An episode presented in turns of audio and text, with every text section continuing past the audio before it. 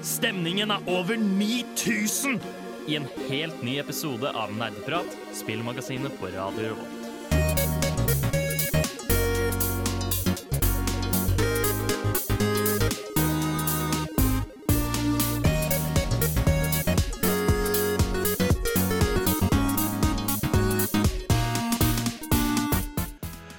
Hallo og velkommen tilbake til nok en ny episode med Nerdeprat. Vi er tilbake i studio, eller jeg er tilbake i studio, er vel kanskje også rett å si, fordi jeg var jo ikke her forrige gang, men jeg er tilbake. Det, mitt navn er Håkon, jeg er programleder, og med meg i studio så har vi Tai! Og vi har Bård. Bård på teknikk. Um, I dag skal vi snakke om uh, hva skal man si, sanntidsstrategispill. Eller real time strategy, som det heter på engelsk. Eh, RTS forkorta. Vi kommer nok til å bruke RTS ganske mye. Hva er det? Det får dere finne ut av eh, ved å høre på videre. ikke sant? Eh, men før det så skal vi høre en liten låt. Vi skal høre Sad Chloé med Cleverly Pills. Haha, du aktiverte nettopp mitt trap card! Nå er du nødt til å høre på Nerdeprat til episoden er ferdig! Nani? Det stemmer, du hører på Nerdeprat, spillmagasinet på Radio Revolt. Og det hadde ikke vært Nerdeprat om vi ikke hadde startet med å snakke om hva vi har gjort og eller spilt siden sist. Tai, har du lyst til å starte?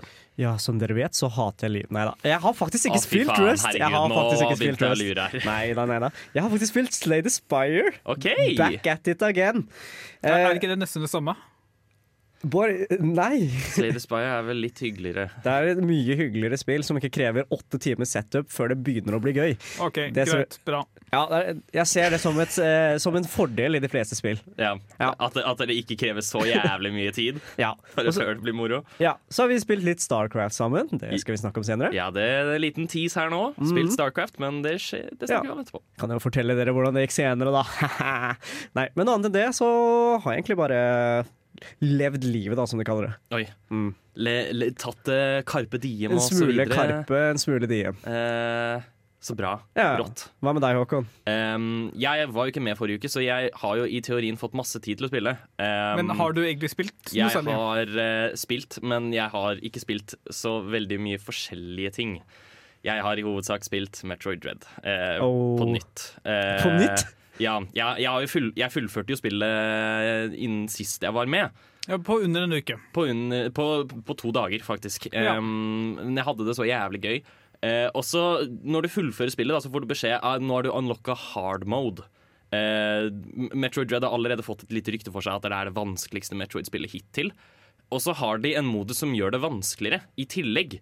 Men gjør det det vanskelig på riktig måte, eller bare Jeg syns det. Um, fordi hard mode i mitt hode for et Metroid-spill vil bare være at du må være enda mer terpa enn du har vært tidligere. Så, så det som skjer, er at fiender gjør mer skade, og de har litt, litt mer liv.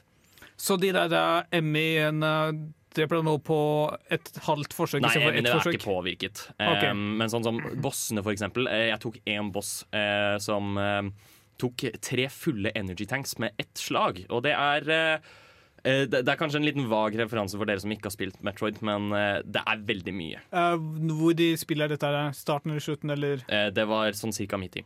Ja. Jeg, jeg, sånn I starten, kanskje på andre boss, så har du ca. tre stykker totalt. liksom. Ehm, som vil si at hvis, uh, hvis du hadde slåss mot Crade, så hadde du dødd umiddelbart. Ja. Hvis du hadde blitt truffet av ett angrep. Men jeg har også lyst til å snakke litt eh, mer om Fordi jeg brukte også hard mode-playthroughen min til å bare kødde rundt med mm, de de forskjellige måtene man kan ødelegge spillet på. Da. Fordi Metroid er også kjent for det som kalles sequence breaking. Altså at du får ting ut av rekkefølgen de som har laget spillet, faktisk vil at du skal få. Eh, og det er så utrolig mye potensial for sequence breaking her. Og, jeg, og det har bare fått meg til å elske Metroid Dread enda mer. Hva gjorde du for å sequence breake? Åh, det er eh, det er, eh, Hva gjorde han ikke? det, det er eh, et spesifikt hopp. eh, et veldig, veldig vanskelig hopp. sånn ganske tidlig i spillet. Som du egentlig trenger noe helt annet for å liksom klare å komme deg over. Og dette gjør at du kan komme deg til grapple beam, som er en power-up du får. Den skal du egentlig ikke få før etter du har slått andre boss. Og fått et par andre evner, men hvis du klarer å gjøre en veldig sånn slick wall jump, så, så kan du snike deg inn der lenge før, og det lar deg få sånn fire andre ting igjen før du egentlig skal få det. Eh, og, og de har åpenbart eh, planlagt dette fordi andre boss lar deg bruke en av disse evnene du får ut av rekkefølge mot den bossen for å bare one-shotte den. Ja, Er du sikker på at det ikke bare var litt korttenkt av dem at de, Nei, det er sikkert ingen som har Nei, det. fordi eller? det er en spesifikk cutscene for det. OK.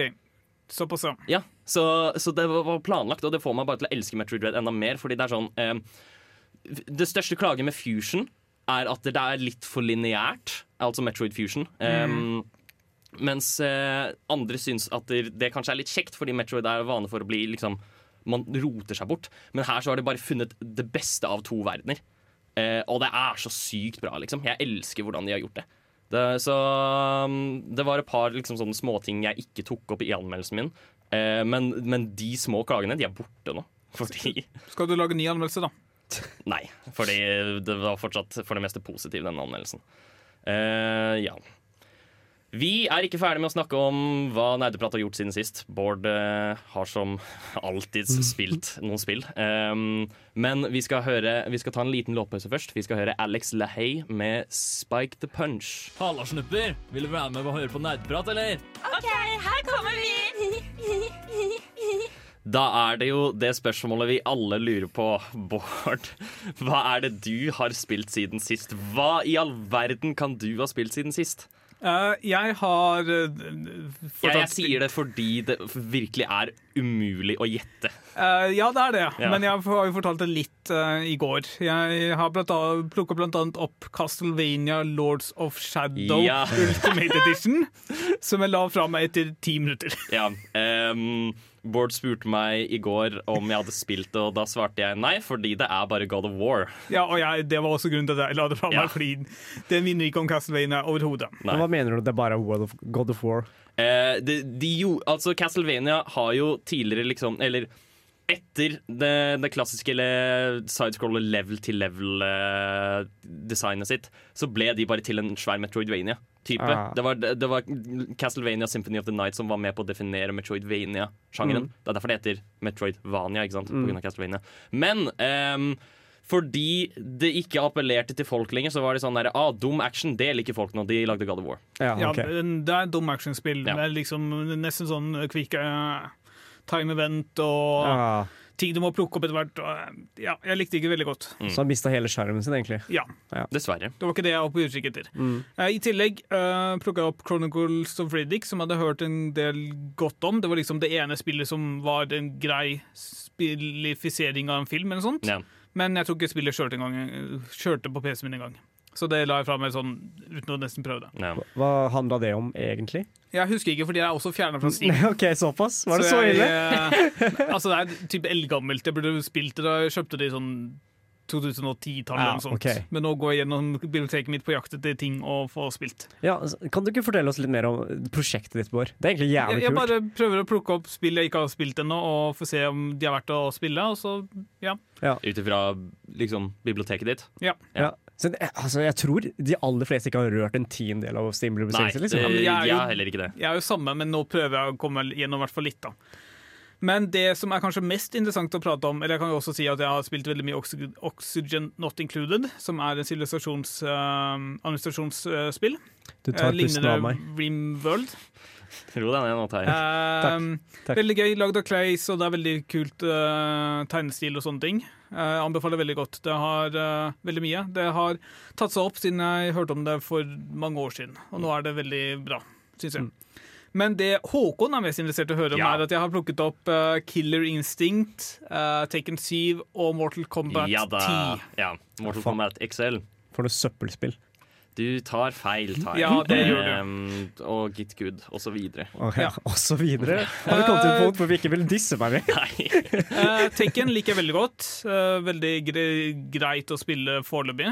Uh, vet ikke Ja, Tekken er kult. Uh, det, jeg slet litt mot Jeg fant ut hva han het. Claudio er en eh, person i, Å, ja. eh, som er sjef for en eller annen in, in, Altså noe religiøse folk eller sånne ting. Ja. Men ja, spiller, spiller veldig bra, har en kul historie som jeg ikke helt forstår, men det har fortsatt utspiller seg ganske bra, og virker som å være relativt populært. Mortal Kombat er litt litt eh, vanskeligere, vil jeg si. Jeg, jeg står litt mer fast i det spillet enn jeg gjør i Tekken. Men jeg mener at Mortal Kombat som slåssspill egentlig er litt utdatert, men det er kanskje bare fordi jeg har blitt bortskjemt av nyere spill sine gatlings. Mest sannsynlig. Ja. Men altså, ingenting slår jo X-ray i Mortal Kombat. Ja, ja det, er, det er sant, faktisk. Men uh, så må jeg også gi masse honnør til King, Killing Sting, som er kanskje det kuleste spillet av dem alle. Ja. Fordi du har en rogue-like-funksjon. Ved at du setter som et team av tre stykker, så må du prøve å redde verden, ligne XCOM-stil, bare med slåssing istedenfor strategisk uh, greie som i XCOM. Det er dritkult. Ja. Og så, ser det ekstremt stylish ut, Fordi det er jo helt over the top-komboer i Killer Instinct og alt det der. Ja. Du har det, ofte liksom minst ti uh, slag lange komboer og sånne Ja. ting. Um, som, som er sjukt, med tanke på at det er ikke liksom eh, Det kan ikke sammenlignes med andre så, sånne type kombo-slåssespill. Så jeg liker egentlig alle på hver sin måte. Jeg vet ikke helt hvilke jeg ender opp med å spille som permanent. Mm. Eh, vi får eh, Jeg er jo også på vei til å bli en Tekken 7-mester, så vi får spille det en gang. Ja, kanskje det. Eh, ja, gleder meg til det. Nerdenytt. Vi skal snakke om litt nyheter i spillverden. Det har ikke skjedd fryktelig mye, men det er et par gøye ting vi kan ta opp. Eh, du har vel kanskje lyst til å starte med en gladnyhet, Tai. Ja, fy faen, ass! Darkest Dungeon 2 har kommet ut. Darkest Dungeon 2 har kommet ut! Darkest Dungeon 1 var jo knallbra.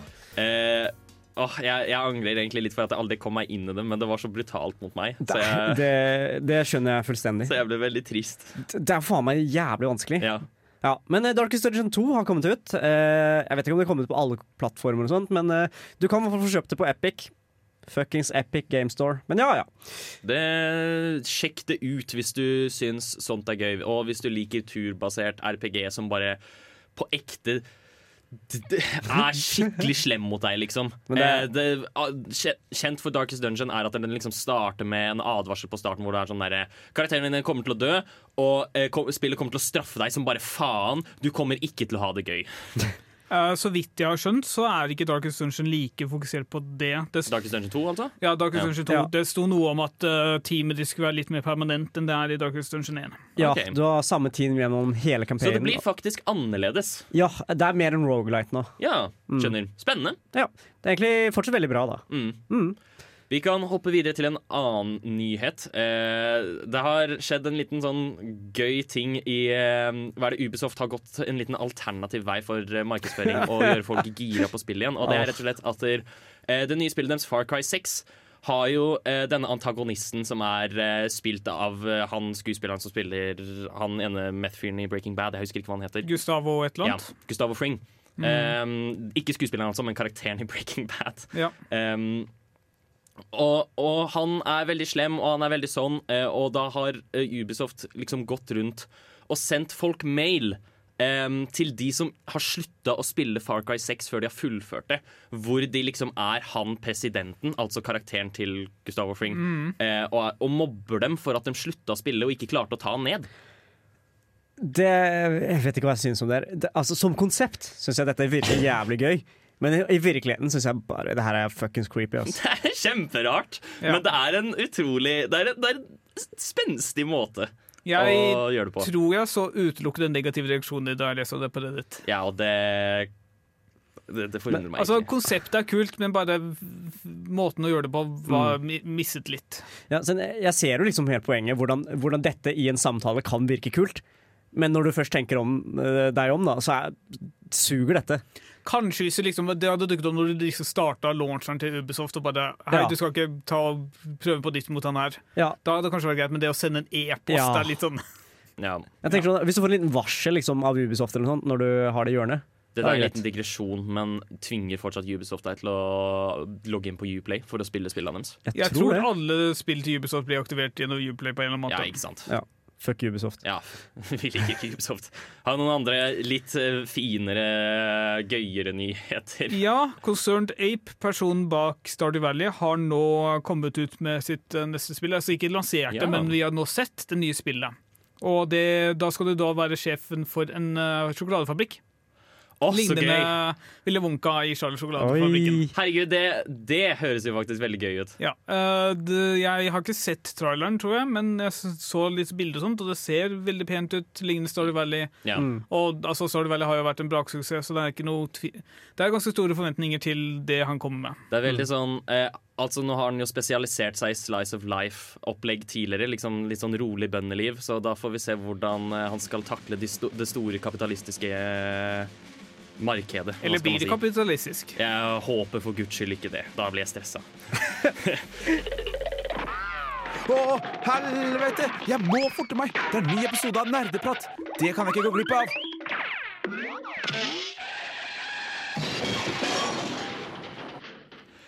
Vi skal gå over til dagens tema, eh, som er RTS. Også kjent som real time strategy. Også kjent som sanntidsstrategi.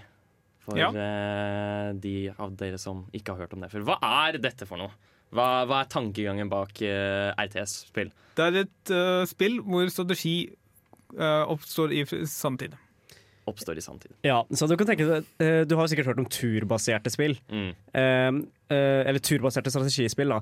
Så her handler det om å Du får jo på den samme Du får de samme ressursene og de samme mulighetene som motstanderen din. Så skal du komme på den beste mulige strategien uh, og vinne over fienden din i sanntid. Så det, er, det går ikke an å ta turer, og det går ikke an å Det er ingen pause. Kan. Ja. ingen pauser. Essensen er at du får masse mer tenketid i turbasert enn du får i sanntid. Ja. Eh, som vi sier at det sanntidsstrategispill tester på en måte dine hvordan du gjør valg og lignende og sånt. Under på en måte, ja, Du kan kalle det press, da. Ja. Fordi det skjer ting hele tiden, og du må alltid kunne klare å holde ting gående. Ja. Eh, Hvem som vinner, er veldig ofte basert på hvem som da reagerer kjappest. Ja. Ja. Og hvem som gjør mest med ressursene de får inn. da. Siden det er veldig vanskelig å planlegge fremover i tid når du ikke vet hvor fort du får ressurser. Ja. Um, altså Jeg antar at hvis du er veldig flink i spillet, at du vet at eh, eh, ved minutt åtte så har man vanligvis så mye ressurser. man vet det, ja. ja. Men, du må jo reagere på hva motstanderen gjør. Og så må du huske å bruke alle ressursene også. Siden det er vel en stor, fa- et stor uh, greie som Jeg lot merke til da vi spilte, da. Vi var ikke flinke på å bruke ressursene våre. Nei. Vi, vi satt med masse ressurser. ressurser. Til mitt forsvar, det er første gang jeg noensinne har spilt et sanntidsstrategispill. Ja. Um, Du var ikke så dårlig, altså. Tusen takk. Eh, men vi skal snakke mer om det etterpå. Ja. Men disse spillene er veldig flinke til å gi deg da et tall på hvor fort du reagerer, som Ja. er da kalt uh, handlinger per minutt, eller actions per minute. Og i Starcraft så vil du da, når du er ferdig med matchen, kunne se at Mm. OK, Tai hadde for eksempel 40 eller noe sånt. 40 må jeg, så hadde 100 000. Hadde du 100? Nei, kanskje, 93 hadde jeg. kanskje det var den kampen jeg ikke fikk sett på det bildet Aha. av. Ja, sant. Men ja. da, vi spilte, da vi spilte, så tror jeg du lå på sånn 40, og jeg lå på kanskje enda lavere. Ja, det kan godt hende. Mm. Jeg var litt rusten da vi spilte. Ja. Mm. Um, men det er jo også sånne ting som liksom Du må på en måte Det, det jeg forsto av å spille Starcraft, er at det er multitasking the game. Ja. Um, hvor uh, du har typ en base som uh, spåner nye units og lignende, um, og den spåner typ hvert, ish hvert tolvte sekund. Som vil si at du må tilbake til basen din og spåne en ny en hver eneste gang etter tolv sekunder. Typ. Men det er den spesifikke tingen du valgte.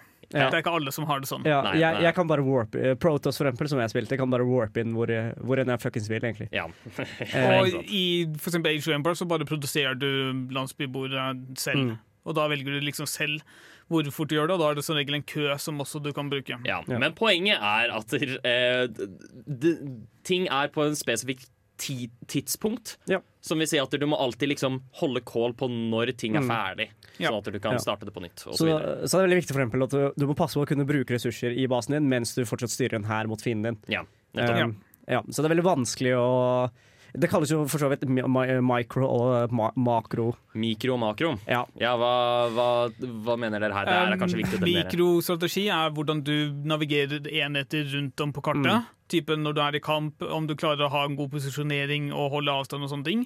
Mens makrostrategi er hvorvidt du liksom planlegger godt i hvilke typer enheter du bygger, hvilke Mm. teknologier du forsker på, og hvor du plasserer base og sånne ting. Ja, Uh, ja. ja, jeg Så, så det, er, eh, det er to veldig viktige aspekter da, av uh, RTS-er. Og det er to aspekter man må balansere da, for å kunne greie å spille det på en god måte. Mm. Eh, et, altså, hvis du er veldig god i mikro, men dårlig på altså, Du kan ikke vinne kun ved å være god på en av dem. Du, Mm. Det må være en slags balanse. Og hvis du er supergod på mikro, så kan du knuse en relativt god makro, f.eks. Jeg har en liten eh, cheese strategy på akkurat den der når vi kommer så langt, men Ja. det tror jeg vi tar etterpå. Men um, for å oppsummere, da, så er det, det viktigste som De begrepene som vi tar med oss videre, um, er eh, mikro, makro og handlinger per minutt. Ja, og I tillegg så er det veldig viktig med informasjon. Uh, du får veldig lite informasjon å spille selv av, mot, om andre spillere, så du må samle det selv. Mange, av, uh, mange ganger så har du mulighet til å liksom skanne folk, eller bare sender du en enhet av gårde til å f skaffe informasjon, mens i f.eks. turbaserte spill så er det ofte at spillet sier deg å ja, de personene gjorde det. Ja, ikke sant. Så der fikk måte Der fikk dere en liten introduksjon til uh, RTS-serien. Vi skal gå innom litt av de forskjellige aspektene uh, av sjangeren, som er på en måte de viktigste delene. Og vi starter naturligvis med ressurser og liksom henting av ressurser og lignende. Etter vi har hørt Obonjar med 'Message in a Hammer'. Hey yo, er DJ MacLeod Banks. Du hører på Nerdeprat. Baku! Stemmer, du hører på nerdeprat, og vi snakker om RTS. Og vi skal gå over til å snakke om eh, kanskje Ja, det, i hvert fall det som er eh, det viktigste startpunktet for eh, alle RTS-er, kan man si. Og det er de diverse ressursene du samler. Ja, siden du mål Overraskende nok, eller uintuitivt nok, så er egentlig målet i en RTS å bruke opp å ha null ressurser.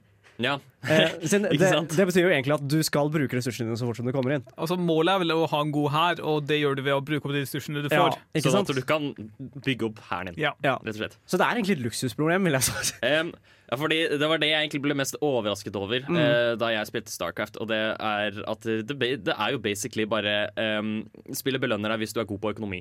Ja. Men eh, det, det belønner deg også veldig godt for å bruke mye, mye av pengene så fort som mulig. Ja, nettopp. Ja. Men det er ikke bare å pøse på og samle inn hva som helst og når som helst. Du må også ha en balansegang. Fordi du må ofte balansere det med liksom hvor mye militære du har, og hvilke typer ressurser. Fordi alle Altså I Starcraft er det litt enklere fordi du har kun to typer ressurser, altså mineraler og gass. Mens i Age of Empires så har du liksom stein, gull, mat, tre og kanskje enda mer. Jeg nå husker jeg Husker ikke helt. det begynner å mange år siden. Ja. Ja, men vi har jo veldig fokus på Starcraft nå, så det er eh, Jeg tror måten, eh, måten spillet er designa på, er veldig viktig i forhold til hvordan du skal bruke ressursene. I Starcraft, i Starcraft skal du egentlig er, Du skal egentlig vinne over motstanderen så fort, fort som mulig. Um, Så da handler det om å bruke så mye ressurser så fort som mulig. Men i Age of Empires, um, da handler det Jeg spiller i hvert fall Age of Empires mye treigere enn det jeg spiller i Starcraft. Men spillet i seg selv er treigere. Det er det. Så det handler litt mer om at du skal spare til de store Ja, fordi tingene. og- eh, For referansepunkt her, eh, så vidt jeg har forstått, så er Star en runde med Starcraft varer alt fra tre minutter til liksom sånn 30. Kanskje ikke så kort som tre. Som regel 20. Ja, rundt 20 er Um, greit. hvor, hvor lenge varer en runde av Age of Empires? Timevis. Nei, altså jeg tror kanskje en rask kamp er type kanskje 20-30, og så kan det gå litt lenger hvis, Ja, okay. er, hvis det er jevnt. Men det er ikke sånn at det nødvendigvis tar så mye lengre tid liksom å bli ferdig, men at liksom hastigheten til spillet, at ting skjer saktere. Mm. Men det er også fordi du har mye mer Altså, hva skal jeg si ja, Etter å ha sett um, litt videre altså, uh, Age of Empires 4, som kommer ut i dag, uh, så er det litt mer mm, ting å liksom holde styr på. Du må liksom gjete fram mat til nærme landsbyhuset ditt, sånn at du kan få samlet det fort. Du må liksom finne ut hvor er, altså, hvor er steinbruddet, hvor er gullminen, hvor er eh, nærmeste treholt, hvor jeg kan samle skog. Mm. Vi snakket om eh, eh, før låt at det, var, eh, at det er enormt mye multitasking i sanntidsstrategi, og disse ressursene bidrar jo bare til dette. Ja. Hvor det er eh, du, du må finne ressurser som du kan samle inn, eh, og så må du holde kål på at du samler inn ressurser overalt. Og bla, bla, bla. Ja, og så må du klare å observere at å, jeg samler inn for mye treverk i forhold til mat. Ja. Kanskje jeg burde bytte litt om på folk. Mm. Så det er en krevende prosess. Ja. Altså, jeg kommer ikke på hvilket spesifikt spill det er nå, da, men mange, eller noen av sanntidsstrategispillene krever jo også at du har lagringsplass til alle ressursene du samler inn. ja, Ja. det er også interessant. ja. um, det er jo ikke en greie i Starcraft eller i Age of Empires, tror jeg. Nei. Ja. Jo, kanskje Age of Empires, men at de gode spillerne ikke trenger å tenke på det. Ja, fordi ikke. la- eh, liksom, rådhuset ditt har Mm. plass til noe. Ja. Nei, men det, det er også Jeg synes egentlig Jeg liker ikke det aspektet av realt, eller eh, RTS-er, for jeg liker bare å samle så fort som mulig. Du, du vil jo egentlig samle alt mulig, vil du ikke? Ja, ta? ja. Jeg, altså, Verdens rikeste mann! I RT så er jeg kapitalismen i seg selv. I am the capitalist man. Men uh, jeg, jeg er ikke så glad i at de begrenser hvor mye du skal samle inn. Så jeg, jeg, jeg, jeg trives veldig godt med å bare effektivisere så mye jeg kan. Ja. Mm. Mm, så, så det er ikke så veldig gøy når de bare begrenser Nei, men hvor effektiv du faktisk kan Tai være. liker ikke å bli begrenset. ja, jeg er ikke en mann som kan begrenses. Kan ikke stoppe meg. Nei da. Ehm, så ja. Men det, det gir jo egentlig et ekstra aspekt av ressurs, eh, resource management-siden av, eh, av RTS-er. Jeg synes Ja, egentlig det for, er for, da, da blir det faktisk enda mer balansegang igjen. Da må Mm. du jo være sikker på at du har nok av hver ressurs. Ja, Da er det ikke sånn at du bare kan skru av hjernen og bare samle inn masse ressurser. ja. Og hvis du, er, hvis du er god nok, så klarer du kanskje å ok, jeg trenger, Kanskje jeg ikke trenger et ekstra varehus, men hvis du er dårlig og har masse ressurser, så bare Å ja, shit, nå må jeg begynne å bygge varehus også. Ja.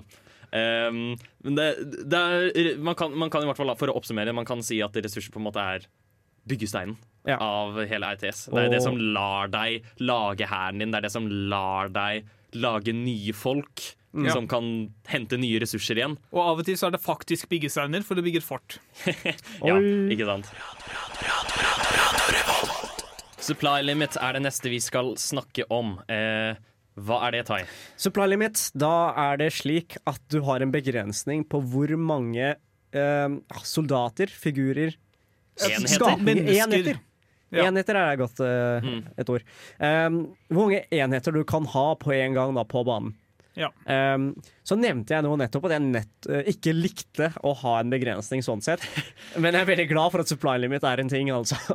Ja, fordi problemet er at hvis du ikke har det, så Mm. vil noen spillere, sikkert jeg, sikkert Tai, bare jobbe mot den største armeen noensinne, Ja. og aldri gå til krig fordi de fortsatt sparer opp. Ja, da blir, det blir veldig treigt spill Ja. om du ikke har en supply limit. Det, Ja. det bare tvinger deg til å angripe da, når du når den uh, limiten. Også i tillegg, fordi uh, i hvert fall i de fleste spill så er denne grensen både på militærenheter, men også de som samler ressurser for deg. Ja. Som betyr at du må klare å balansere det. Altså ha, finne ut hvor mange enheter trenger du for å samle inn ressurser for å kunne holde økonomien gående for de enhetene du produserer og holder i live. ja. Og når du blir avansert nok, så kan du komme til et punkt hvor du bare du velger å drepe dine egne enheter, slik at du kan få mer plass til å lage sterkere enheter. Ja, hvis du har type mange tusen Ja. ressurser og er i siste fase, så Mm. er det ganske naturlig. Ja. Og så en liten fun fact da, i Starcraft 2, så eh, etter at du er ferdig med en runde, så kan du så se hvor lenge du var supply capped i det spillet. Altså hvor lenge du glemte å bygge ut slik at du kan få flere karakterer. Eller enheter, da. Okay. Jeg hadde Håkon! Solide fire og et halvt minutt av den 20-minuttersrunden vår. Var, kunne ikke du lage flere karakterer? Ja. Ja.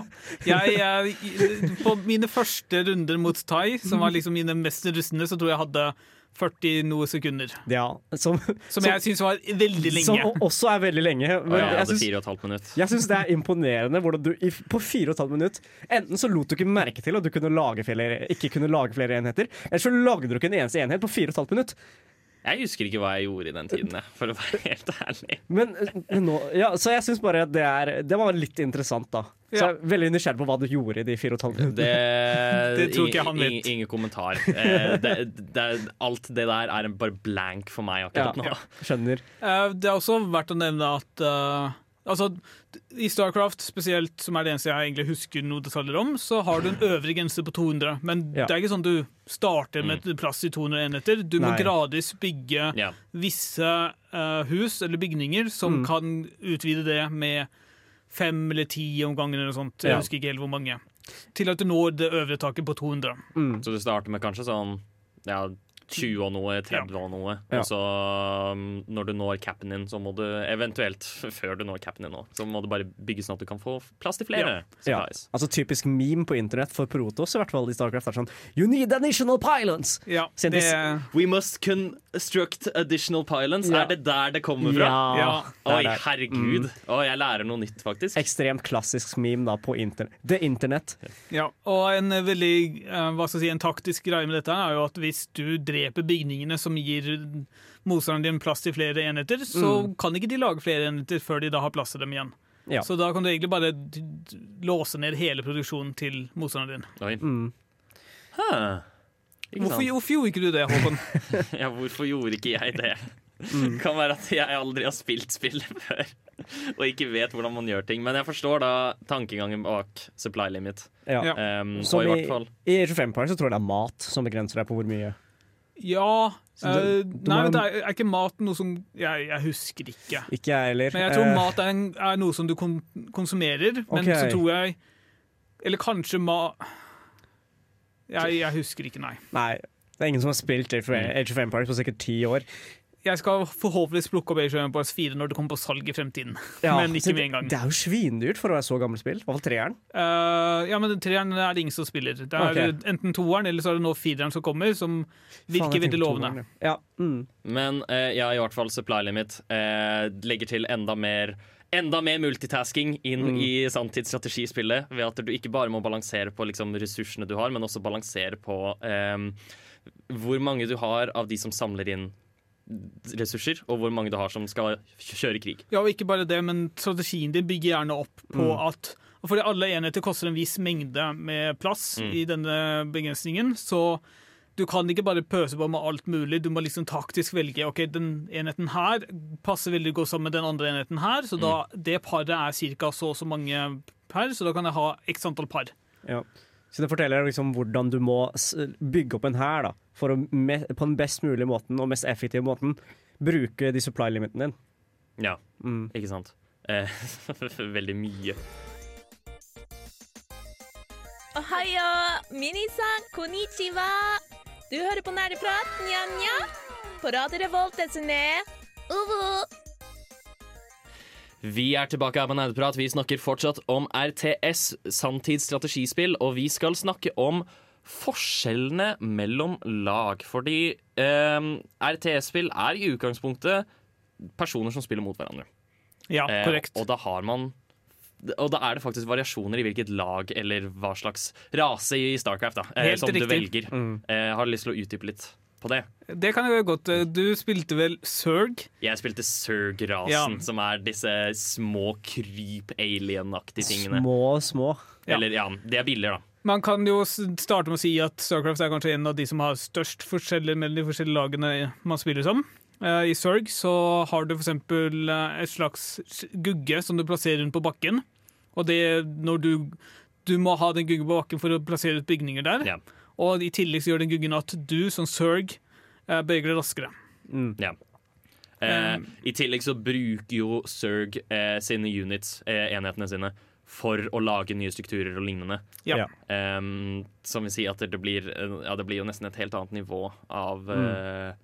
Uh, makro, skal man si. Stemmer. Uh, Zerg bruker larver som de liksom oppgraderer til enheter Mm. eh, underveis, og de produseres da kontinuerlig. Ja.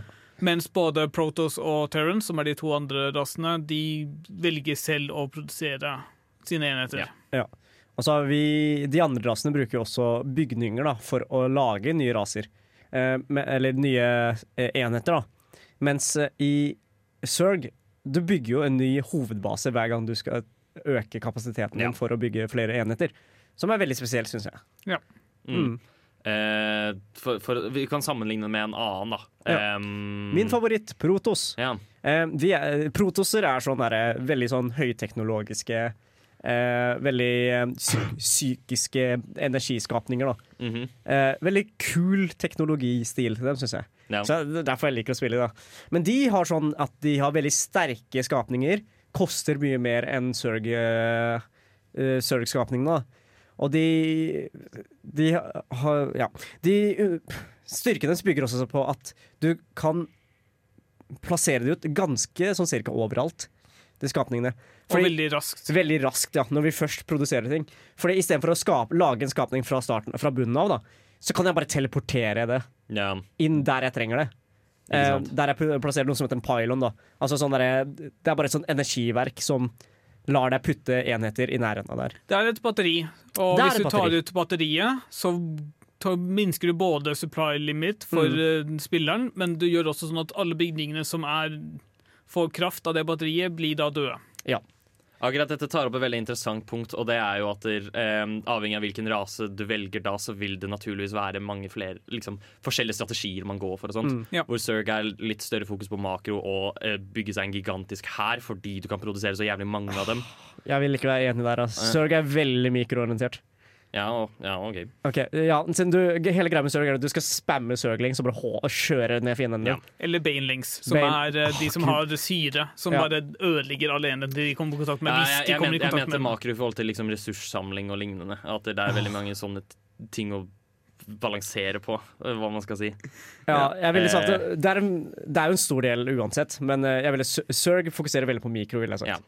Um, så Bård, du spilte jo uh, Terran. Terran, ja. Eh, De er de mest menneskelignende personene der. Det er mennesker. der. Ja. Menneskelignende. Uh, det som er unikt med dem, er at de fleste bygningene deres kan lette og ta av og flytte seg rundt. Så Mm. du kan bare bygge en base rett ved siden av den gamle basen, så kan du fly den på plass hvor nå enn du vil på kartet. Ja. I tillegg så har mange Det tror jeg ikke er så veldig vanlig. Uh, mange av bygningene, eller i hvert fall den primærbygningen for å bygge militæret, eh, den kan oppgraderes på to forskjellige måter, og da bygger Mm. du liksom en ekstra komponent som du både kan ta, som du faktisk kan drepe individuelt av den bygningen også, som er litt interessant. Ja. Og så veldig stor forskjell mellom Terran sine, uh, sine enheter og både Zerg og Protoss sine, er at uh, Terran sine enheter, de er eh, standard ranged. Altså, de skyter med skytevåpen, så de kan angripe fra avstand, da. Ja. Uten at det trenger noe upgrades eller noe sånt. Mm. Mens både Zerg sine enheter og Protas sine enheter, de er egentlig eh, da. Ja. Så vi må liksom helt inntil. Så i, start, i starten, hvis du har en, spiller mot en god Terran som har god, eh, god mikro, slik at de styrer karakterene sine veldig bra, da blir du faktisk vraka. Ja, skjønner. Mm. Eh, for, for å hoppe videre, da. Age of Empires. Der er det litt mindre Fordi- forskjell ja. mellom uh, hvert lag. Uh, jeg husker ikke helt hvordan det var gjort i uh, Age of Empires 2. I Age of Empires 4 i hvert fall, så har de begynt å ha litt mer forskjeller, hvor f.eks. Uh, hver nasjon har kanskje en unik eh, bygning eller en enhet som er veldig god på dette her. Kanskje de har en eller annen begrensning på at okay, du kan ikke bruke dette her. Jeg får lese for eksempel at det var noe, en sivilisasjon var det en bonus på å plukke bær, men pga. det så kunne de ikke samle mat fra f.eks. villsvin. Mm. Så de, de har, det virker som de liksom holder på å få litt forskjeller, da, som er veldig bra, fordi det gir en litt ekstra dybde i hva du skal velge mot, og hvordan du spiller mot de du spiller mot. Ja. Men jeg vil egentlig si at de forskjellene som er i Age of Empires, er veldig små. Fordi De er det. da, da jeg spilte Age of Empires da jeg var liten, da Jeg tenkte ikke over at det var forskjell i det hele tatt, egentlig. Men det gir jo Men hvis man har, er bevisst på den forskjellen, altså gir mm. jo Mm. på en måte en pekepinn på hva du bør fokusere på Ja, i strategien absolutt. din. Og det er kanskje der også RTS skinner litt, at det blir veldig sånn stort fokus på litt mind games. da Mm. Ut ifra hva slags lag motstanderen din har, og hva slags lag du selv har. Ja. Så må du lage strategi ut ifra hvordan de gjør strategien sin. Ja, for eksempel i Age of Empires 4 så har engelskmennene muligheten til å bygge en uh, Man at Arms, som er en unik enhet. Og da vil jo du tro at hvis du spiller mot engelskmenn, så vil de mest sannsynlig bygge den. Mm. Og da kan det være lurt å finne en enhet som er god til å spille mot dem. Ja, ikke sant. Så det, det, det, legger til en interessant spice da, i RTS eh, ved at det er forskjeller. Hva er det du liker best ved studentradioen? Jeg hører alltid på studentradioen. Nå skal vi gå over til å snakke om teknologi. Eh, hvorfor det? Hva, er tekn hva, hva mer er det å snakke om her? Ja, som du vet, Håkon, fordi vi spilte jo i går, Ja. og da, du, da bygde du en bygning hvor du kan forske på den teknologi som gjør styrkene dine bedre, ikke sant? Det stemmer. Du, du Jeg, gjorde faktisk... jeg, jeg gjorde det. Oi! Jeg, jeg hadde ikke trodd du skulle gjøre det. Nei, det var det jeg sa til deg. Jeg var skikkelig, jeg var skikkelig overraska over at Ja. han hadde annet enn Søglings.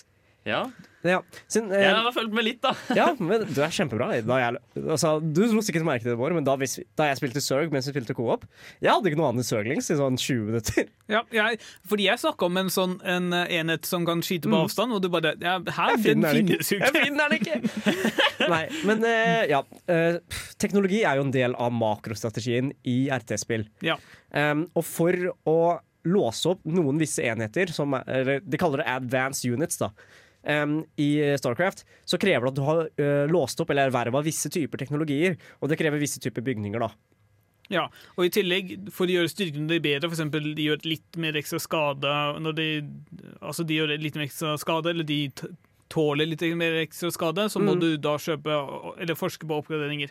Mm. Som gjerne tar både mineraler og Altså som tar liksom flere ressurser. Det er liksom en betydelig investering. Ja. Så tar det også veldig lang tid. Ja. Så du må, du må lage én bygning, researche en ting, så lage en ny bygning. Um, I hvert fall som regel. Du må ikke alltid det, noen unntak. Men uh, du må få lage riktig type bygning i riktig rekkefølge for å kunne få um, den visse typen enhet. da. Um, for eksempel, uh, da jeg, grunnen til at jeg brukte så lang tid da jeg spilte, mot dere i hvert fall, var eh, fordi jeg prøvde å låse opp noe som het en Dark Templar.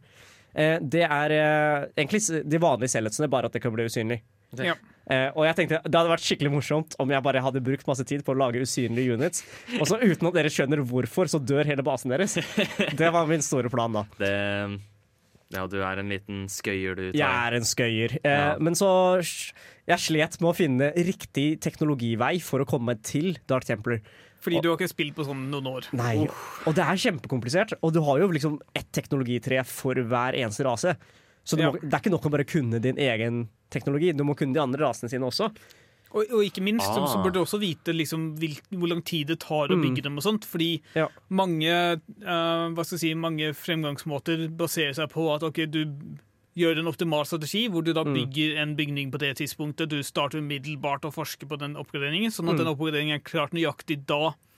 Og hvis du er en god spiller, så gjerne angriper du fienden akkurat der, fordi der har du en for fordel. Ja. Hvis eh, fienden din bare er f.eks. in Terran vs. Terran, hvis du er bitte litt raskere på uh, oppgraderingen det de er, så kan du ha en betydelig fordel i den Mm. første slagsmålet. Ja.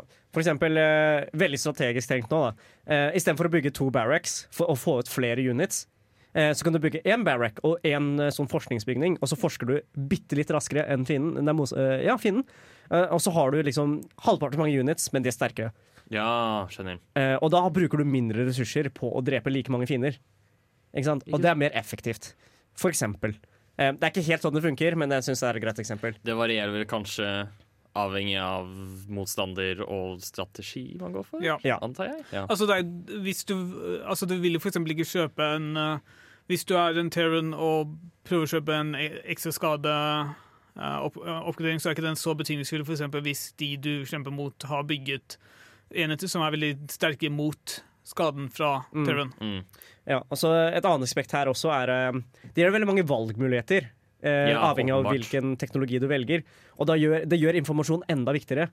Eh, for eksempel, Ja. når dere spilte mot meg Hvis jeg hadde greid å få med Dark Templars Det er ingenting som kan drepe Dark Templars, eh, med mindre du har noe som heter eh, True Sight eller Detect. da ja, så da måtte jeg liksom Ja, og ha du, fulgt med på det. ja, du måtte ha laget enheter som kan se mine enheter. Ja, skjønner. Og det krever også teknologi. Så Så ja, liksom, på det punktet dere hadde funnet ut at jeg har usynlige enheter, det hadde tatt sånn solide tre minutter før dere hadde skjønt det, på en måte. Ja. Eller ja, kunne ha sett meg. Det, er, eh, det legger til veldig mye Ja. i, Det legger til veldig mange valgmuligheter i hvordan Mm. du ønsker å lage strategien Ja. din, og lignende, og det er kjempekult. Og det er derfor også vi likte å få informasjon om hva den andre spilleren gjør. Ja. Mm.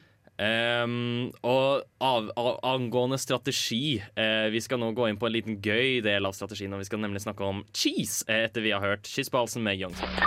Oberst, jeg prøver å snike meg forbi vaktene, men lyden av min rumpeblafreng distraherer dem fra å lytte på nerdeprat. Bri, Gouda, parmesano alle disse tingene er ost, men det er ikke den type cheese vi skal snakke om nå, er det vel, Tai? Nei, den typen ost, cheese, som vi skal snakke om nå, det er rare strategier. Um, som de kalles for cheesy strategies, da. Ja, Um, og da tror jeg vi starter, jeg. bare kjør på. Ja. Uh, den første kalles for drone rush. Eh, så når spillet starter, så starter du med et sett med droner. Jeg tror sånn ti eller sånt. Altså arbeidere. Arbeidere som Ja. kan, egentlig bare er ment for å samle ressurser. Men i, når du ta, spiller drone rush, så tar du egentlig bare alt du har av arbeidere, så begynner du å kjøre dem mot motstanderen sin base. Em, her satser du som faen på at for det første, du finner motstanderen på første forsøk. Så det er fire steder på kartet det kan være. Eller, uh, eller Og for så vidt at det er 50-50. Det er bokstavelig talt 50-50. Det er 50-50 hvem, Ja. hvem av eh, arbeiderne som vinner. Ja, for arbeiderne deres er like sterke, eh, og dere har like mange. Men jeg vil faktisk påstå at du har mindre sjanse på å vinne, fordi på den tida du bruker å reise bort, da har jo de lagd flere droner. Ja, ja Ja. nettopp. Så det er en jævla dum strategi. Det er, men, Men- det, det er jo cheese de luxe. Det er derfor det er gøy. Men de kan jo ødelegge økonomien når, hvis du tar dem uforberedt. Ja, definitivt. Og så er det, eh, det er også en strategi som baserer seg veldig mye på at du har bedre mikro enn motstanderen. motstanderen. Um, som for eksempel, hvis du samler alle dronene dine og dreper, eh, angriper én drone, så tar det to zaps. Det tar to slag for å drepe én drone. Ikke sant? Eh, så hvis du, sam hvis du greier å styre alle, fine, nei, alle figurene dine gode, eller bra, så kan du fucke opp fienden din. Ja, Hvis du bare setter sammen som par, og så bare sender på én Ja. ene. Men det er- er lettere sagt enn gjort, ville jeg sagt. Hæ? Eh, Det var jo akkurat det de gjorde i går, Tai. Nei, på ingen måte. Um, den andre måten, eh, eller en annen cheesy strategi, kalles for Planetary Fortress Rush. Hvis Da spiller du Terran. Terran sine baser kan fly. Og så det, det her er greia. Du, alle, begge lagene starter jo med én hovedbase.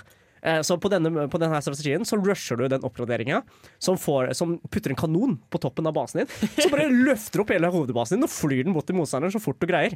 Og så lander du bare basen din i motstanderens base, og så begynner basen din å drepe basen Du bare skyter ned basen med kanonen. Ja, du, ja, det er faen meg idiotisk. Det er, man skal ikke tenke seg at det her skal være mulig å vinne med i det hele tatt. Nei, Men men det, det har skjedd i Ja. high level play. Så, og da tenk deg at du ser på en turnering, og så ha- han der skikkelig hypa caster som dere begynner å forklare hva som skjer. Sånn, Basen hans flyr! Basen hans reiser seg! Basen hans har en kanon! Basen hans dreper basen til fienden! Hva faen? Det er, det er veldig gøy å se på. Ja, veldig um, dum strategi. Det er ekstremt dum strategi, men det har funka, og jeg tror det kommer til å funke i fremtida også. Eh, Men du har jo glemt en av mine favoritter, da. Åh, hvilken er det? Uh, Proxy Battlecruiser. Proxy Battlecruiser. Det er faen meg idiotisk, men kjør, Bård. Hva inngår dette? Altså, ting er at uh, Battlecruiser er en veldig avansert uh, luftskip som Terran kan bygge, og de er utrolig treige. Så uh, taktikken baserer seg på at du bygger en, en bygning som kan produsere disse her nærmere basen til fienden, sånn at de har mindre reisevei. Og hvis du rusher, altså gjør dette tidligst mulig, så har du ganske Da vil ikke de se det komme heller. Å ja. Så du kommer med et jævla stort luftskip som bare bombarderer hele basen deres sånn lenge før de tror at det i det hele tatt er mulig. Ja, så det, det tar et solid minutt for det her luftskipet å komme seg over banen, liksom. Bare i reising. Eh, men hvis du bare lager det rett ved siden av fiendens base, så plutselig er det der. Ja. Og så må du liksom Du må virkelig gå, gå inn for å fokusere på dette, fordi det tar mye ressurser å lage og liksom og forske på teknologien for å gjøre dette mulig. Jeg syns det er sykt gøy at folk bare finner på å gjøre sånt. Eh, det viser liksom veldig av potensialet til eh, strategitenkinga. da. Strate strategiaspektet. Når man bare kan finne på noe sånn piss. Dritgøy. Martin, gutten min, du må komme deg middag! Å, mamma! Jeg kan ikke sette på pause nå! Jeg er midt i en heftig episode av Nerdeprat! Vi skal gå over til å snakke om eh, pacing. Eh, oss, eller hva, hva skal man si? Hurtighet. Ja, jeg tror det er et godt ord. i spillet. Um, fordi RTS-spill hva skal man si om pacinga til et RTS? Hvor raskt måtte du tenke, Håkon, da du spilte i går? Åh, altfor mye. det var eh, det, det blir jo naturligvis mer å tenke på etter hvert som spillet går, og Ja. du har mer ting å balansere på og lignende. Mm. Men det ble jo veldig sånn at jeg følte jeg gjorde min egen ting i basen eh, inntil eh, det, det ble noen storminger og lignende. Vi skal komme mer innom det Ja. etter hvert. Ja. Men uh, Jeg likte det var et eller annet punkt i spillet du bare Hæ, hva skjer? ja. Ja, nei, Det er eh, overveldende, da. ting er at uh, veldig mange strategispill går veldig kjapt. Uh, men heldigvis så er det litt forskjell i hvor kjapt de går.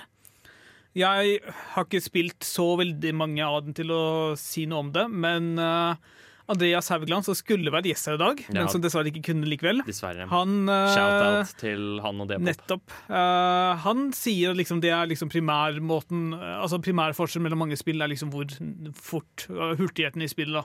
Og for eksempel Starcraft 1 og Starcraft 2 har veldig veldig forskjellig hurtighet i spillet sitt. Mm. Jeg har aldri spilt Starcraft 1, men det har kanskje du, Tai? Nei, jeg har faktisk aldri spilt Starcraft 1. Nei.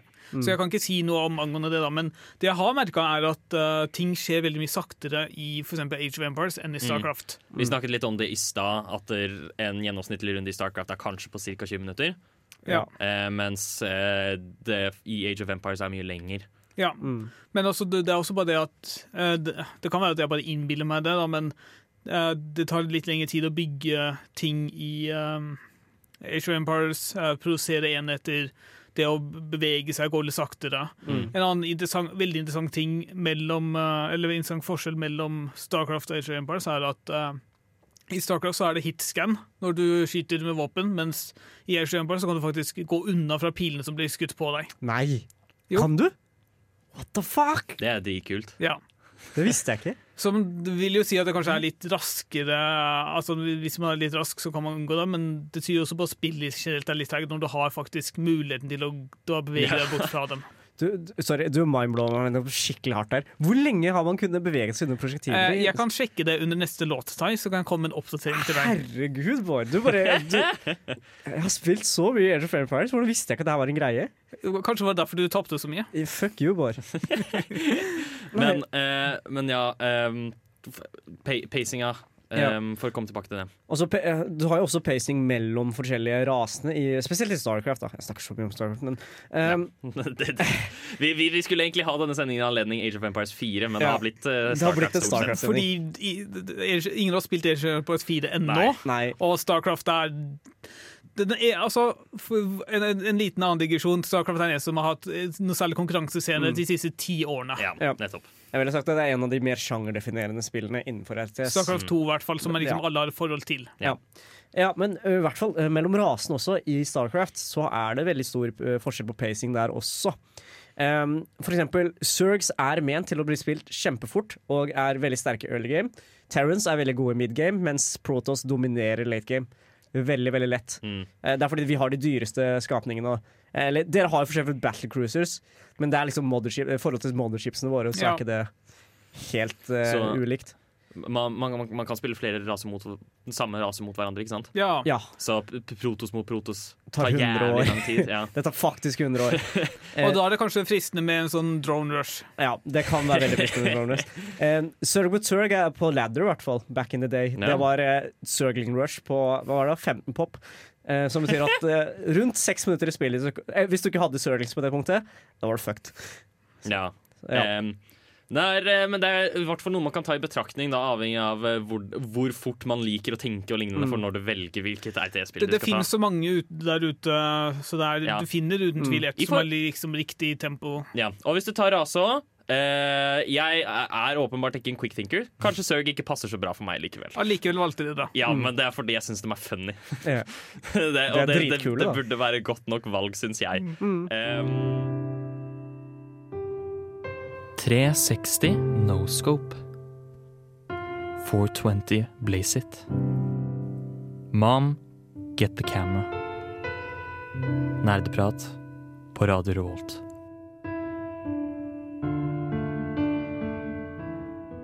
Nå er det endelig min tur til å snakke om mine kunnskaper om dette her. Ja, Håkon. Fordi eh, vi skal snakke om spill som er RTS, men samtidig ikke. Kan man kalle det? Ikke, ikke, ikke på denne måten, i hvert fall. Ikke som de vi har snakket om i dag. Fordi du kom bare sånn Jeg har en skikkelig hot take på hva som er en RTS. Men det er jo på ekte en RTS. For dere kjære lyttere der ute, um, jeg har lyst til å ta opp argumentet Pikmin. For de av dere som ikke vet, Pikmin er dette spillet hvor du, er, du spiller en kaptein som er strandet på en planet. Du har 30 dager på å finne alle skipsdelene dine som er spredt ut over planeten. Fem forskjellige maps um, som du må utforske, og alle har så og så mange deler på hver. Um, Men uh, Håkon, hvordan klarer disse delene å bli spredt såpass mye? du spør godt. Uh, det er et videospill. det okay. er svaret jeg har. Um. Uh, og for å hjelpe deg, da, så har du disse små pikminene som du må gro uh, av diverse ting og li lignende ved å hente ressurser. Akkurat sånn Mhm. som du gjør, bare at du beveger på karakteren din framfor at du er denne kosmiske entityen, hva skal man si. Ja. Um, og lignende. Og der er det også sånn at hver eneste dag varer i 13 minutter. Som vil si at du må liksom Du må kunne klare å gjøre strategier eh, og reagere på ting og være kjapp på å hente inn disse delene, sånn at du rekker å samle alle 30 delene på alle 30 dagene. Hvis du samler én del hver dag, så går det fint, men da går det mest sannsynlig dårlig også. Så du må være litt effektiv med det. Det er et kjempebra spill.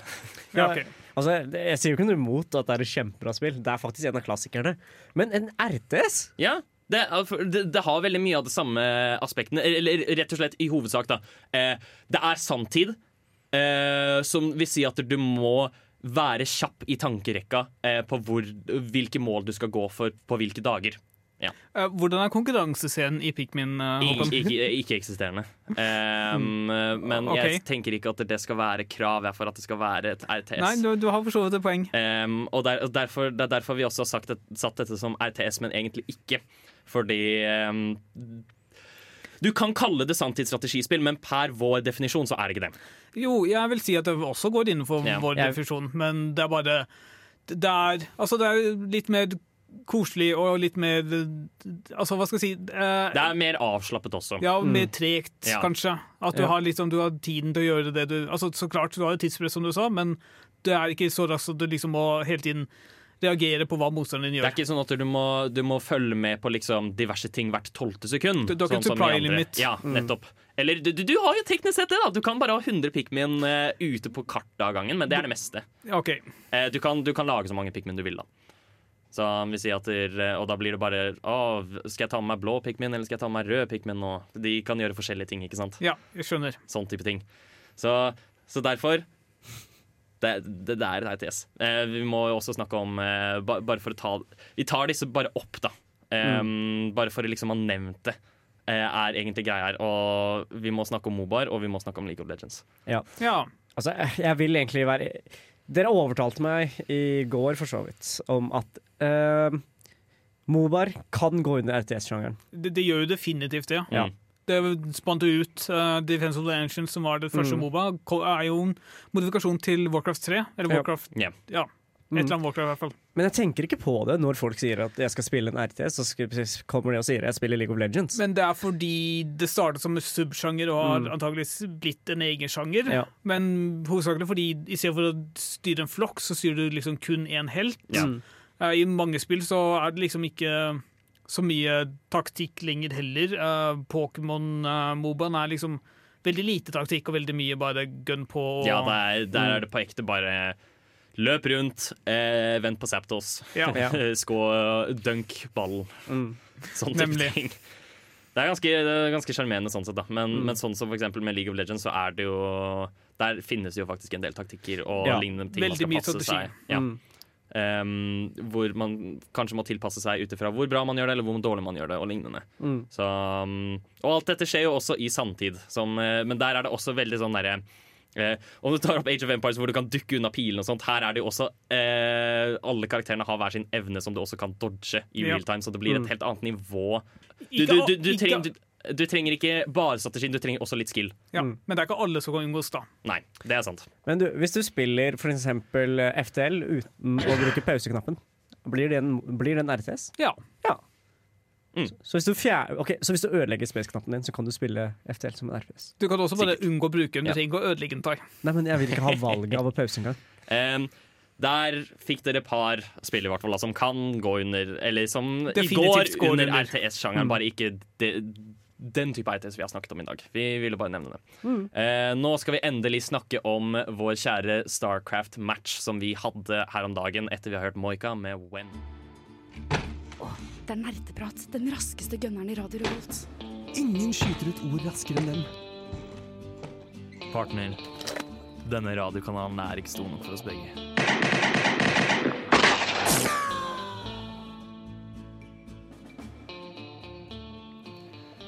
Som du hørte der nå, så er det, har vi altså hatt uh, en liten standoff her i Nerdprat. Vi, vi har snakket mye om det underveis i sendingen uten å egentlig fortelle hvordan det gikk fullstendig. Um, men vi har spilt Starcraft mot hverandre. Eh, dere kan vel kanskje starte, da, siden fordi dere tok noen par runder på tirsdag, og så spilte vi alle sammen på onsdag. Ja, det skal også nevnes at Vi skulle, hatt egentlig planer om å spille på tirsdag alle sammen, men så ble det endring i planene. Jeg skulle på Taco Bitch på Samfunnet, og det Vet du hva? Fuck dere, jeg angrer ikke et sekund. Det var dritbra. Jeg, jeg ville bare ha all informasjon ut i det åpne. Ja, ok. Ja. eh, men jeg tenker at for en gangs skyld så skal jeg få lov å si de magiske ordene som dere alltid sier til meg. Get good.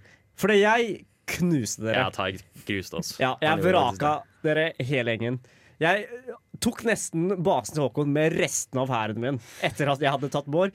Så jeg syns det jeg gjorde en ganske god jobb. La oss snakke om tok tirsdag meg først. nesten ikke. Det gjorde du ikke nå, Ah, så nå må okay. du ta i litt. Vi kan starte med tirsdagen. Um, da satte jeg og Bård med det, oss ned da, for å spille litt. Um, det var overraskende vanskelig å finne ut hvordan man setter opp en 1v1. Eh, så, eh, det, gikk jo, det gikk jo kjempebra når du skulle være med, men vi måtte google oss fram til hvordan man skulle gjøre det. Ja, men Det var jo ikke intuitivt i det hele tatt. Nei, du må gå i custom game, og så må du velge en spesiell karttype. Og så må du finne en kart der som faktisk støtter det antallet spillere du har lyst til å være.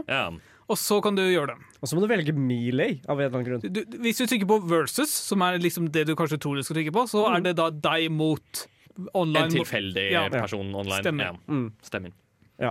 Nei, men eh, da jeg og Bård først spilte um, Jeg syns det gikk så sakte da vi spilte første gangen. Du, du mener første gangen da du angrep meg med fiender med en gang, og jeg hadde null sjanse til å i det hele tatt forberede Ja, meg? ok, Det var litt ille. Jeg tror det tok seks minutter første runden vår. Ja. Um, Og jeg hadde ikke spilt det der på sånn fem-syv år. Ja, men Jeg hadde ikke spilt på kjempelenge heller, da.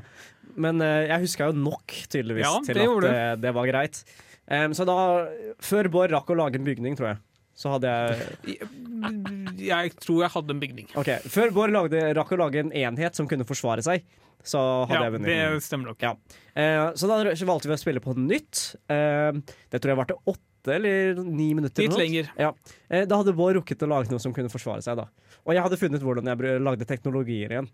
Eh, det, det hadde jeg helt glemt. Men jeg, jeg var god til å blokkere det ut med Ja, bygningene mine. faen? Jeg forventa ikke det. Han hadde bygd en jævla vegg!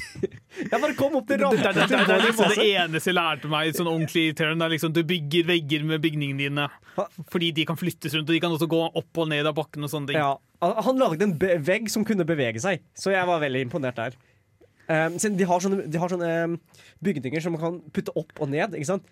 Og så Hvis man putter det ned, så kan man gå gjennom dem. Og hvis man putter det opp, så kan man ikke gå gjennom dem. Da må det ødelegges først. Og han lagde lagde en jævla dør. Så jeg bare Det her forventa jeg virkelig ikke. Cheese. Det var Nei, jeg tror det det er er en strategi. Altså. Altså, det er Nei, det man gjør som naturligvis. Men, men, du ble, men, men du ble cheesa. Det ble litt cheese. Eh, Altså, det er ikke cheese, men du ble cheesa. jeg ble Ja. cheese. Jeg hadde helt glemt at det var en greie, så jeg var litt overraska. Men uh, hvor mange kamper hadde jeg spilt i sammenlignet med deg?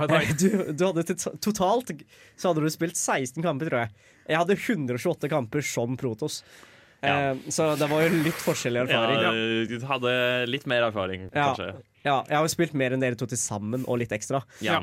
Ja. Ja, for det, det her var jo faktisk første gang jeg spilte Starcraft 2. Eh, Ja, og det men hva var, synes du? Likte du det? Eh, jeg ser for meg at når man liksom får litt kål på det, og Mm. begynner å Først av alt får kontroll over hva alt gjør. Ja.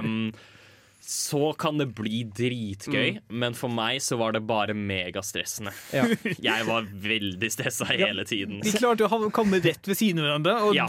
merka det ikke før, sånn, før Tai hadde angrepet meg. Jeg, jeg så det. Uh, jeg, jeg så at du var der, men det var jo fordi jeg var oppå sånn um, platå, typ, Mm. Så jeg kunne se ned på deg. Men uh, det var fortsatt ehm, Jeg valgte å ikke kødde med det. Jeg valgte å bare chille. Fordi jeg hadde tatt tre baser mens du fortsatt hadde én. Ja. Ja, men eh, i ditt forsvar, Håkon, eh, du holdt faktisk ut lenger enn Bård. Jeg gjorde det! Men jeg ble angrepet først, da. Så du kan offisielt si at du er bedre enn Bård, da. Yes! Yes! Nei, men, jeg, det, det, var, det var faktisk bare målet mitt. Jeg hadde ikke lyst til å komme sist. Nei, men det var liksom da jeg bare begynte å angripe Bård. Og Bård var sånn der ah, Shit, skal du eh, jeg, jeg har tapt. Og du bare Hæ? Ja, ja, men det, jeg, jeg hadde jo ikke gått utenfor min Nei. egen base, så jeg, skjønte, jeg visste jo virkelig ikke hva dere holdt på med. Jeg var, jeg var veldig imponert over den hæren du hadde til å starte med. ja. Du, du hadde ordentlige units, ikke bare Surglings. Ja, Ja. Du, hadde, du, altså, du har jo Du, du hadde mer enn da Tai spilte Surg på ja, tirsdag. OK, Ja. rått. Ja. Em, noe får jeg til. Absolutt. Um, men hva var det? Men da jeg, hadde, da jeg bestemte meg for å gå ut for å finne Tyson her, så hadde jo han eh, trippel av størrelsen min. Så Ja. da ble jeg jo overkjørt. Men du ble cheesa, Håkon. Ja. Jeg, jeg proxya deg. Sorry. Å ja. ja, ja. Det var i hvert fall veldig gøy, da, og vi kan gratulere Tai med en Ja. overlegen seier. Dagens sending av Nerdeprat er sponset av Raid Shadow Le... Ouch! Unnskyld! Unnskyld!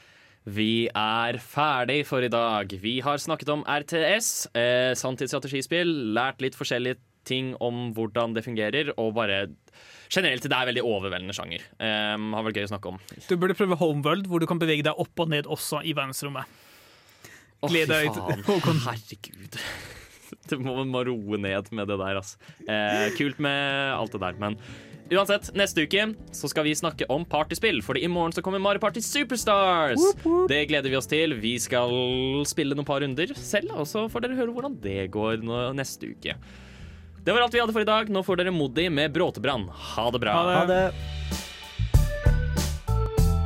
Du har lyttet til en podkast på Radio Revolt, studentradioen i Trondheim.